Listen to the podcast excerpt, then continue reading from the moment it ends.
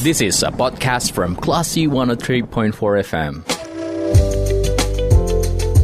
Sumbar melawan Corona, persembahan Yayasan Semen Padang, Semen Padang Hospital, hanya di Classy FM.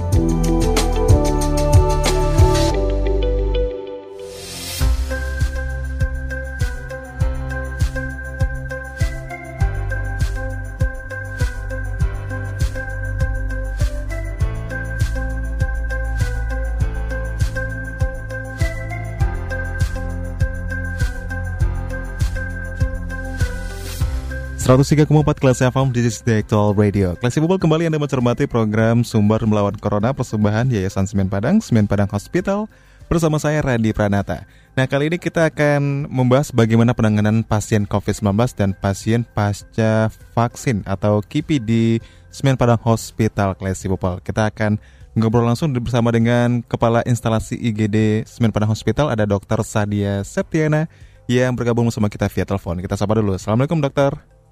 Waalaikumsalam. Kabarnya hari ini sehat dok? Alhamdulillah sehat. Alhamdulillah sehat ya dok ya. Nah dokter berkaitan dengan uh, IGD ya dok ya selama mungkin selama masa pandemi ini. Kira-kira apakah ada pasien mungkin dok yang masuk lewat IGD di Semen Padang Hospital dok? Sedihnya masih ada ya mas. Oh, huh? Jadi tahu itu karena lagi ketidakketahuan atau bagaimana dokter? Gimana mas?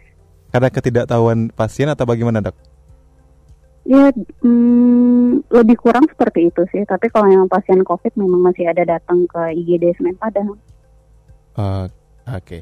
Nah, kalau untuk masalah vaksin, uh, dokter, uh, sejauh mm -hmm. ini adakah mungkin pasien datang ke IGD yang uh, mengalami KIPI atau kejadian ikutan pasca imunisasi setelah okay. kalau menjalani terkait vaksin? KIPI, hmm. mm -hmm, kalau terkait KIPI memang masih ada, tapi ya masih bisa banget lah kita hitung pakai jari gitu, mas. Uh masih mm -hmm. terbilang jadi nggak ya? banyak. Dan rata-rata mengeluh mengeluhkan apa nih dok setelah vaksin dan datang ke SPH ataupun ke IGD? Uh, eh, Oke, okay. kalau rata-rata ini uh, untuk hmm. gejala post vaksin sebenarnya kita harus membedakan antara apakah ini efek samping dari vaksin hmm. atau uh, adalah alergi vaksin dari vaksin COVID itu sendiri oh, gitu. Okay. Uh -uh. Uh, jadi nggak semua gejala yang timbul setelah uh, vaksinasi COVID itu merupakan uh, bentuk alergi vaksin begitu mas. Hmm. Gitu. Jadi kalau misalnya untuk alergi biasanya yang datang itu gejalanya karena uh, gimana gatel hmm. atau ada ruam hmm. atau bengkak itu di bagian tubuh tertentu begitu. Oh, Oke. Okay. Kalau yang uh, hmm. tadi dokter bilang yang ruam ataupun bengkak-bengkak itu biasanya berada di bagian tubuh yang mana dok? Setelah dilakukan vaksinasi? Biasanya sih, uh, biasanya itu misalnya kayak di bibir, atau hmm. di tangan di anggota gerak tangan atau tungkai atau kaki gitu ada hmm. merah-merah ada kayak uh, ruam-ruam hmm. itu kemungkinan lebih ke arah alergi gitu. Oke. Okay. Tapi kalau misalnya gejalanya lebih ke arah demam atau uh nyeri otot itu uh sih bukan alergi gitu, uh lebih ke arah efek samping dari vaksinnya itu sendiri gitu, Mas. Oke, okay, baik. Nah, hmm. uh, kalau untuk penanganannya kan seperti apa dok? Misalnya kalau uh, ada yang kemudian datang ke IGD SPH dan mengeluhkan yang tadi dok bengkak-bengkak setelah vaksin. Mm -hmm. Akan seperti apa penanganan yang dilakukan dok? Kalau penanganannya itu sesuai dari gejala sendiri pada saat mm -hmm. datang bagaimana. Karena kan gejala alergi itu nggak uh, bisa kita generalisir ya dari okay. ada yang dari ringan sampai hmm. gejala sedang atau juga ada gejala yang berat. Jadi tergantung ringan sampai berat uh, terapinya tentu berbeda ya mas. Hmm, Oke. Okay. Baik. Nah, tapi untuk uh, vaksinasi ini dokter sebelum misalnya uh, warga yang ingin uh, melakukan vaksinasi ataupun masyarakat yang akan melakukan vaksin, amankah bagi mereka yang alergi terhadap obat-obatan tertentu misalnya? Oke, okay. kalau dari data yang terkumpul sampai saat ini itu uh, insya Allah untuk uh, yang ingin vaksin walaupun mm-hmm. ada riwayat alergi sebelumnya itu insya Allah masih dianjurkan untuk tetap melakukan vaksinasi okay. gitu mas. Uh. Iya, karena kan sebenarnya resiko alergi pada vaksin COVID itu uh, spesifiknya vaksin COVID ya mas. Yeah. Itu kan nggak bisa kita prediksi nih kalau resiko alergi pada setiap uh, orang karena kan Mm-mm. kandungan di dalamnya itu adalah sesuatu yang baru untuk vaksinasi COVID ini kan. Hmm, Ya, artinya ya setiap orang bisa aja memiliki kemungkinan alergi terhadap vaksin tersebut. Mm-mm. Cuma bentuk uh, alerginya itu ya itu tadi bisa dari ringan sampai yang berat gitu. Oke. Nah, kalau Hmm. seandainya ketika melakukan vaksinasi nih, Dok, uh, Hmm. kemudian uh, ada yang mengalami gatal ataupun ruam ataupun uh, bengkak misalnya, apa Hmm. mungkin uh, pertolongan pertama yang bisa dilakukan oleh si uh, penerima vaksin ini, Dok? Atau mungkin apakah perlu langsung ke IGD atau perlu mene- menemui dokternya langsung atau bagaimana?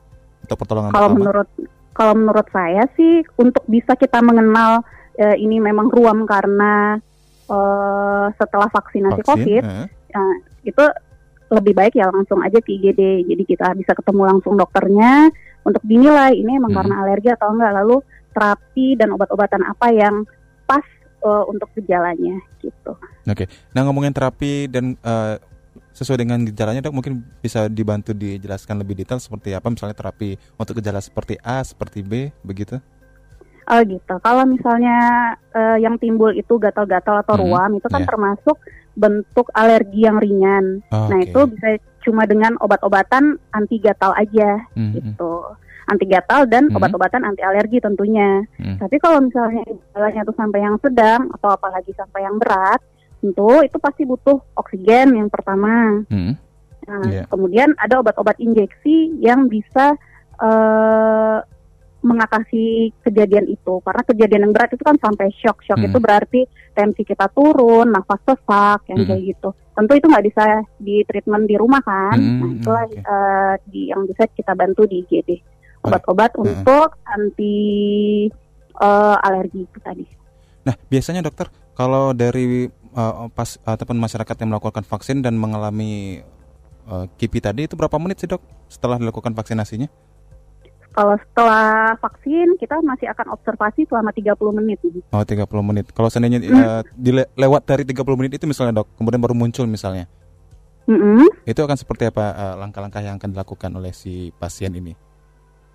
Eh, langkahnya masih sama. Masih sama ya? Jadi setelah observasi 30 menit, Hmm. eh, kalau misalnya di rumah terjadi ada tanda-tanda alergi, Mhm. baik ringan atau berat, yaitu Hmm. eh, sebaiknya sih eh, disarankan untuk tetap ke IGD untuk penanganan emergensinya. Oke. Cuma kalau misalnya vaksinnya di SPH, nah Heeh. itu kita Mhm. kan ngasih kartu vaksin. Iya. Di kartu vaksin itu ada nomor kontak yang bisa dihubungin. Jadi bisa eh, bertanya dulu ini Hmm. sebenarnya masalahnya termasuk ringan, sedang atau berat Hmm, atau harus segera ke IGD kah atau bagaimana? Begitu mas. Kalau di IGD Semen Padang Hospital nih dokter, rata-rata keluhan seperti apa yang uh, dokter terima? Apakah uh, ringan atau berat dok? Kebanyakannya dok? Rata- Rata-rata sih ringan, Ringan tapi ya? itu juga nggak banyak. Mm-mm, Hmm, baik. nggak banyak, paling nggak nyampe lima lah dari sekian banyak yang udah divaksin. Tapi masih Gitu, ada dan, ada yang yang berat gitu ya dok ya berarti ya alerginya? mm, sejauh ini sih kita belum pernah Oh, belum menerima pernah. Ah, yang oke. sedang atau gejala yang sedang atau Ah, gejala yang berat. Rata-rata ringan. Rata-rata ringan. Oke. Nah kalau untuk yang uh, alergi dengan gejala ringan ini dok, berapa lama proses penyembuhannya? Apakah bisa hitungan menit? Langsung bisa diperbolehkan pulang atau bagaimana? itu sebenarnya tergantung dari individu tersebut. Tapi kalau misalnya gejalanya ringan, rata-rata Mm-hmm. sih eh, setengah jam sampai satu jam itu gejala udah perbaikan. Oh, Pasien ya oke. sudah diperbolehkan pulang setelahnya. Mm-mm. Oke. Nah dokter, kan ada juga beberapa masyarakat yang eh, masih belum teredukasi dengan baik ya. Jadi banyak juga yang mungkin yang yang khawatir dengan vaksinasi. Apalagi kalau seandainya ada muncul yang eh, sangat-sangat sedikit tadi yang yang kemudian mengeluhkan kipi yang mereka alami. Nah mungkin Mm-mm. ada semacam himbauan juga kepa- eh, dari dokter kepada masyarakat yang masih eh, sangat khawatir dengan vaksinasi karena mungkin takut eh, dengan kejadian ik- ikutan pasca imunisasi ini dok. Oke. Sebenarnya sih kalau dari saya pribadi, eh, saya masih akan lebih pro ke Hmm. vaksinasi. Mm-mm. Sama halnya seperti misalnya vaksinasi terhadap anak. Iya dok. gitu. Heeh. Jadi saya memang lebih pro ke vaksinasi karena eh, resiko terinfeksi virus COVID-19 itu Mhm. lebih tinggi daripada reaksi alergi karena vaksin. Jadi Oh, kalau oke. misalnya kita takut karena eh, takut vaksin karena reaksi alergi, Mm-mm. eh, justru seharusnya kita lebih takut lagi terkena COVID gitu. Iya dok ya. Karena mm, resikonya lebih tinggi lagi kan daripada reaksi alergi yang belum tentu kita vaksin pasti kena gitu. Oke. pasti kena reaksi alerginya gitu maksud saya. Dan jumlah kejadian kasusnya pun sangat-sangat sedikit ya dok ya? Kecil sekali. Kecil sekali. Oke. Okay. Mm -mm. Baik, Dokter Sania terima kasih banyak dok sudah sharing informasi yang sangat bermanfaat bagi kita uh, hari ini. Iya, sama-sama. Dan selamat kembali beraktivitas, dokter. Iya. Baik, assalamualaikum. Waalaikumsalam. Baik, People, demikian obrolan kita bersama dengan Kepala Instalasi GDS Men Padang Hospital ya, ada Dokter Sadia Septiada berkaitan dengan uh, bagaimana penanganan pasien COVID dan pasien pasca vaksin ataupun KIPI di Semen Padang Hospital. Kalau gitu, saya Radi Pranata pamit, program kita lanjutkan kembali. Terima kasih. Anda sudah mencermati program Sumber Melawan Corona, persembahan Yayasan Semen Padang, Semen Padang Hospital. Anda juga bisa mencermati podcast obrolan ini di www.classfm.co.id atau download aplikasi Class FM. This is a podcast from Classy 103.4 FM.